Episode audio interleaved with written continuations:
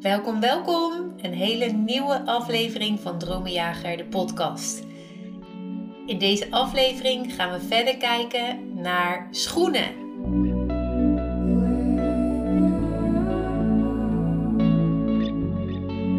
Ik heb het in de vorige aflevering over kleding al een aantal keren genoemd, maar God spreekt absoluut door schoenen.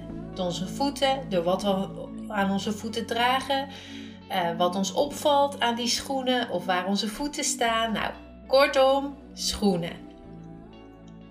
Als we kijken in de Bijbel, dan is het blijkbaar echt een belangrijk onderwerp. Schoenen, voeten.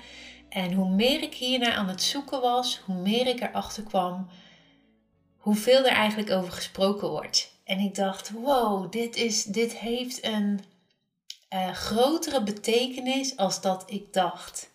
Dit heeft meer te zeggen dan dat ik waarschijnlijk ook nu begrijp. En uh, gelukkig uh, zegt God ook dat we altijd ten dele kennen, zolang we hier op aarde zijn. Dus er is altijd meer bij God. En dit is nou specifiek zo'n zo'n onderwerp waarvan ik denk: oh, waarschijnlijk als we straks in de hemel komen, zullen we pas echt begrijpen wat God wil zeggen door voeten, door schoenen. Je kan het je misschien nu niet voorstellen, maar Ehm, als je gaat lezen in de Bijbel, uh, zegt de Bijbel zoveel dingen hierover uh, dat het echt opmerkelijk is. Nou, ik ga je gewoon een stukje meenemen. Schoenen kunnen spreken van Gods zorg onderweg op nieuwe grond of naar nieuwe grond. Nou, we zijn natuurlijk constant symbolisch aan het kijken en uh, nieuwe grond staat dan ook voor nieuw geestelijk grondgebied. Dus niet het natuurlijke, maar geestelijk grondgebied. Nou, sowieso elk natuurlijk grondgebied waar jouw voeten staan, heeft ook een geestelijke atmosfeer. Uh, en God wil ons altijd meenemen naar nieuw gebied, naar nieuwe grond, zodat we nieuwe dingen in bezit nemen, zodat we meer van God in ons leven gaan zien, in het leven om ons heen, uh, door ons leven heen. Nou, net maar waar jij staat, in welke fase jij zit van je leven en jouw bediening in jouw leven met God. God wil altijd nieuw gebied geven. Oké, ik ga je een aantal teksten geven waarin de Bijbel zegt dat God zorgt voor ons terwijl wij dat nieuwe grondgebied in bezit nemen. Jesaja 5, vers 27. Onder hen zal niemand vermoeid zijn of struikelen. Niemand zal sluimeren of slapen. Bij niemand zal de gordel om zijn heupen losraken of de riem van zijn schoenen breken. Wauw. God zorgt. Deuteronomium 29, vers 5. Ik, ik heb u 40 jaar door de woestijn laten gaan. Uw kleren zijn bij u niet versleten en uw schoenen zijn niet versleten aan uw voeten. Oftewel, hoe lang de weg soms duurt, hoe zwaar het ook kan zijn, hoe moedeloos je ook kan worden, hoeveel moeite het soms ook kan kosten om nieuw grondgebied in bezit te nemen, of het nou voor jezelf is of voor anderen. God weet het en hij zegt: Ik zal ervoor zorgen dat ieder tekort in jouw leven wordt aangevuld. Dat de voeten of dat jouw uh, voeten in jouw schoenen niet uh, zullen lijden. Dat je niet moe zou worden, dat je zou kunnen blijven lopen. Schoenen kunnen ook spreken van Gods aanwezigheid op dat bepaalde uh, stuk grond. We zien natuurlijk dat bekende voorbeeld van Mozes, waarop God zegt: Kom hier niet dichterbij. En God spreekt vanuit die brandende braamstruik en zegt: Doe uw schoenen uit, want de plaats waarop u staat is heilige grond. Het spreekt van Gods aanwezigheid, Gods heiligheid, uh, Gods heiliging in onze wandel, um, Gods aanwezigheid op het nieuwe grondgebied waar we, waar we komen te staan. En dat Hij degene is die met ons is. Halleluja. De Bijbel spreekt ook verschillende keren over een bijzonder ritueel, tenminste daar lijkt het op. En dat is wanneer, het, ehm, wanneer er een grondgebied wordt overgedragen, dat er een schoen uh, wordt uitgetrokken en weggegeven. We lezen dat bijvoorbeeld in Rut 4. Nu was het vroeger in Israël bij lossing en bij ruil de gewoonte om de hele zaak te bevestigen. Iemand trok zijn schoen uit en gaf die aan zijn naaste. En dit diende als bewijs in Israël. Dus het weggeven van een schoen is als een soort bewijsstuk dat het grondgebied is overgedragen. Bijzonder hè? Schoenen kunnen ook uh, spreken van bereidheid om te doen wat God van je vraagt. Denk maar aan Efeze 6, vers 15. Dat onze voeten geschoeid zijn met de bereidheid om het evangelie van de vrede te verkondigen. Het heeft te maken met een bereidheid in onze wandel om uit te wandelen wat God gesproken heeft. Deze tekst spreekt God heel vaak tegen mij en ik hou van deze tekst uit 2 Samuel 22, vers 33. Er staat: De Heer is mijn vesting en mijn kracht. Hij heeft mijn weg volkomen gebaand. Hij maakt mijn voeten als die van een hinde en doet mij op hoogte staan. Deze tekst spreekt over dat God ons lichtvoetig wil houden. Lichtvoetig als een hinde, terwijl wij tegelijkertijd op grote hoogte staan. Dat wij samen met God eh, onmogelijke plekken, als een soort berggeitje, uh, onmogelijke plekken in bezit nemen. 2 Samuel 22, vers 37 zegt ook dit: U hebt mijn voetstappen onder mij ruimte gegeven. Mijn enkels hebben niet gewankeld. Dus voeten, voetstappen, schoenen, onze wandel wordt daar heel vaak mee uitgebeeld. Dus hoe onze wandel is met God. Um, voortdurend lezen we ook in de Bijbel wanneer God een oproep doet om in beweging te komen, dat er eerst staat: sta op. Sta op. Of er staat zoiets als: en God zette hem op zijn voeten. En direct sprong hij op zijn voeten. Uh, en, en hier spreekt het van een opstaan in de waarheid van God, op onze voeten gaan staan. We kunnen ook elkaar op, onze, uh, elkaar op de voeten zetten, in, in, in elkaars kracht zetten. En de voeten van Jezus, ook zo'n plek waar ontzettend veel over gesproken wordt in de Bijbel. Aan de voeten van Jezus is de hoogste plaats, zegt het woord. Hij wast onze voeten daar en wij mogen uh, in zijn voetstappen treden. Wij mogen achter hem aan wandelen. Aan de voeten van Jezus is de plek om te leren, om te ontvangen. Het is een plek van nederigheid, van overgave. Psalm 132 zegt: Laten wij zijn woning binnengaan, ons neerbuigen voor de voetenbank van zijn voeten. Zo'n mooi beeld van aan de voeten van God is de plek waar we ontvangen vanuit zijn hart. De voeten van Jezus worden ook heel vaak uitgebeeld in de, in de Bijbel als um, uh, pilaren of zuilen. Of, of uh, dan wordt gesproken over zijn voeten die, die gewassen worden in, in olie. En vervolgens afgedroogd worden met, uh, met haar. Constant gaat het over de voeten van Jezus. Zo mooi. Als je hierin duikt, ik dacht, oh, hier is zoveel meer over te vinden. Dit heeft zo'n geheimenis in zich. Ik noemde het al eerder, uh, dat God zegt, uh, sta op, ga in je kracht staan, ga, ga in de identiteit en autoriteit staan die ik je gegeven heb.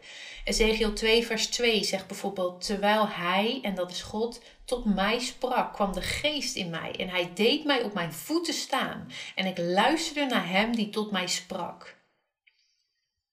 Om God te horen mogen we aan de voeten van hem komen, maar geestelijk gezien wel instappen in de identiteit die we van Hem gekregen hebben. De Bijbel spreekt ook over onze voeten of schoenen. Uh, als hij zegt dat we het vermogen hebben om iets te doen of de autoriteit ergens over hebben.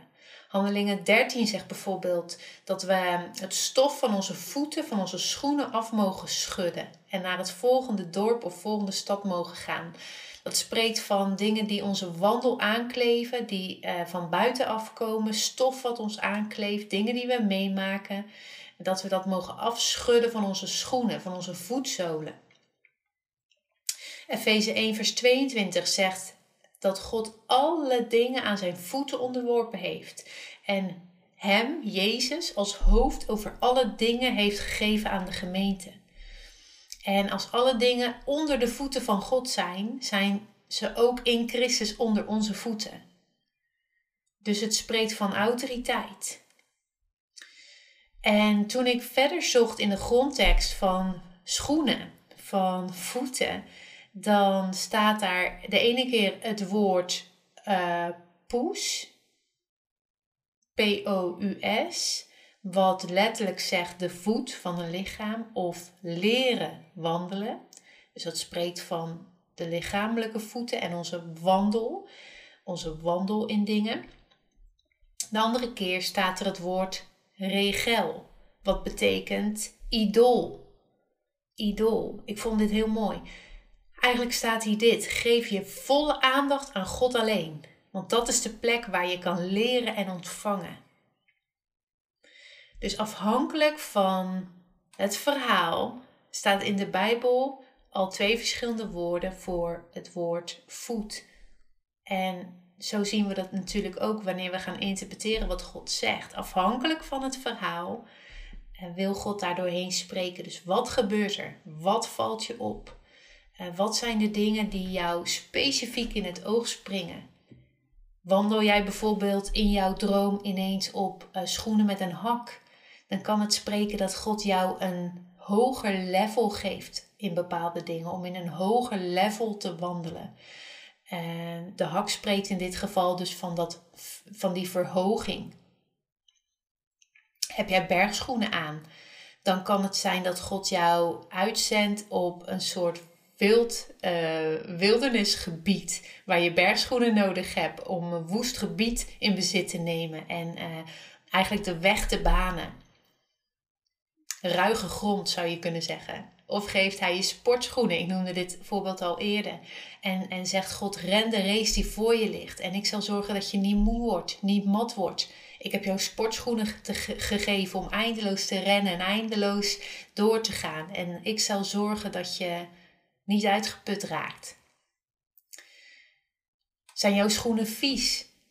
En zijn er dingen aangekleefd die, jou, die jij in dit seizoen misschien mag afschudden en die God wil reinigen van jouw voeten, van jouw wandel.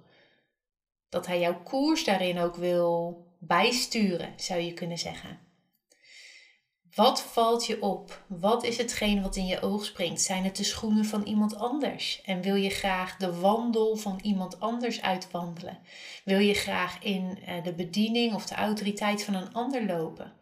dan kan het zijn dat God je juist uitdaagt om te zeggen: hey, jij hebt een unieke blauwdruk. Ik heb jou uniek gemaakt.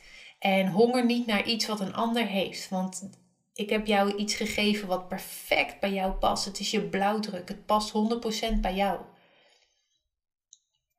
Dus ook hier weer is de vraag: wat voor materiaal, wat voor kleur, als het je opvalt, en wat voor type schoen heb je aan? Um, loop je met uh, één been op de stoep en één been in de goot. Misschien ken je dat liedje wel. Eén been op de stoep en één been in de goot. Dan kan het zijn dat God zegt: hey, je maakt een compromis in je wandel achter mij aan. Je staat met één voet in de wereld en met één voet in mijn koninkrijk. Maar ik wil dat je met beide voeten in mijn koninkrijk gaat wandelen. In de volle kracht die ik je gegeven heb. Ik noemde ook al het voorbeeld van dat goud wat van mijn voeten afspatte en dat ik dat zag in een droom. En ehm, dat God eigenlijk mij bewust wilde maken van de autoriteit die Hij me gegeven heeft. En zelfs als ik met knikkende knieën voorwaarts ging op dat nieuwe grondgebied wat Hij mij gegeven had, dat ik mocht weten: hey, het lijkt misschien niet zo in het natuurlijke, maar in het geestelijke schudt de hele grond wanneer ik mijn voeten verplaats. En eh, wij hebben het zo nodig om bemoedigd te worden door God. Juist op momenten dat we het moeilijk hebben, dat we het zwaar hebben, dat we weerstand ervaren, dat we misschien zelfs twijfelen. Dat God laat zien wat er werkelijk gebeurt in de geestelijke wereld.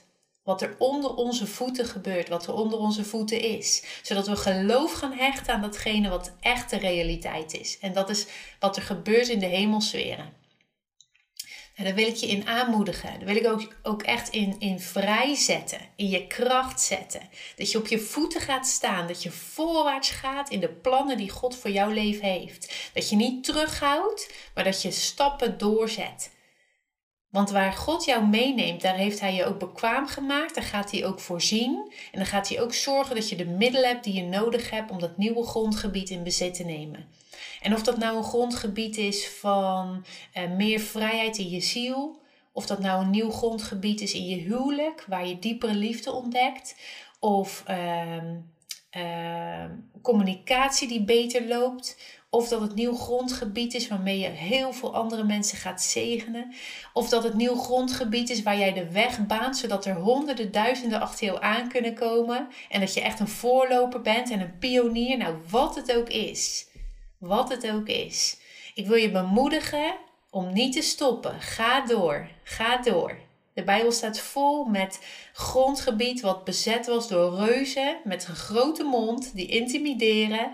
Maar God zegt: elke plek waar jouw voeten staan, die plek geef ik jou. Dus als God voor je uitgaat, dan is Hij de doorbreker. En dan mag je ervan uitgaan dat elke reus tegen de grond gaat. En dat je door mag stappen op dat nieuwe grondgebied. Dus bij deze wil ik jouw voeten zegenen dat ze zullen dansen op teleurstellingen, dat ze vrij zullen zijn en, en, en lichtvoetig als een hert. Dat ze zullen treden op grote hoogte en dat ze uh, sterk en stevig zullen zijn. Dat, ze, dat je niet moe wordt en niet mat wordt, dat je niet stopt, dat je niet uitgeput raakt. Daar wil ik je aanmoedigen en uh, echt in vrijzetten. En uh, ja, echt de zegen van God overgeven in Jezus' naam. Tot de volgende keer. Dan gaan we kijken naar een nieuw symbool.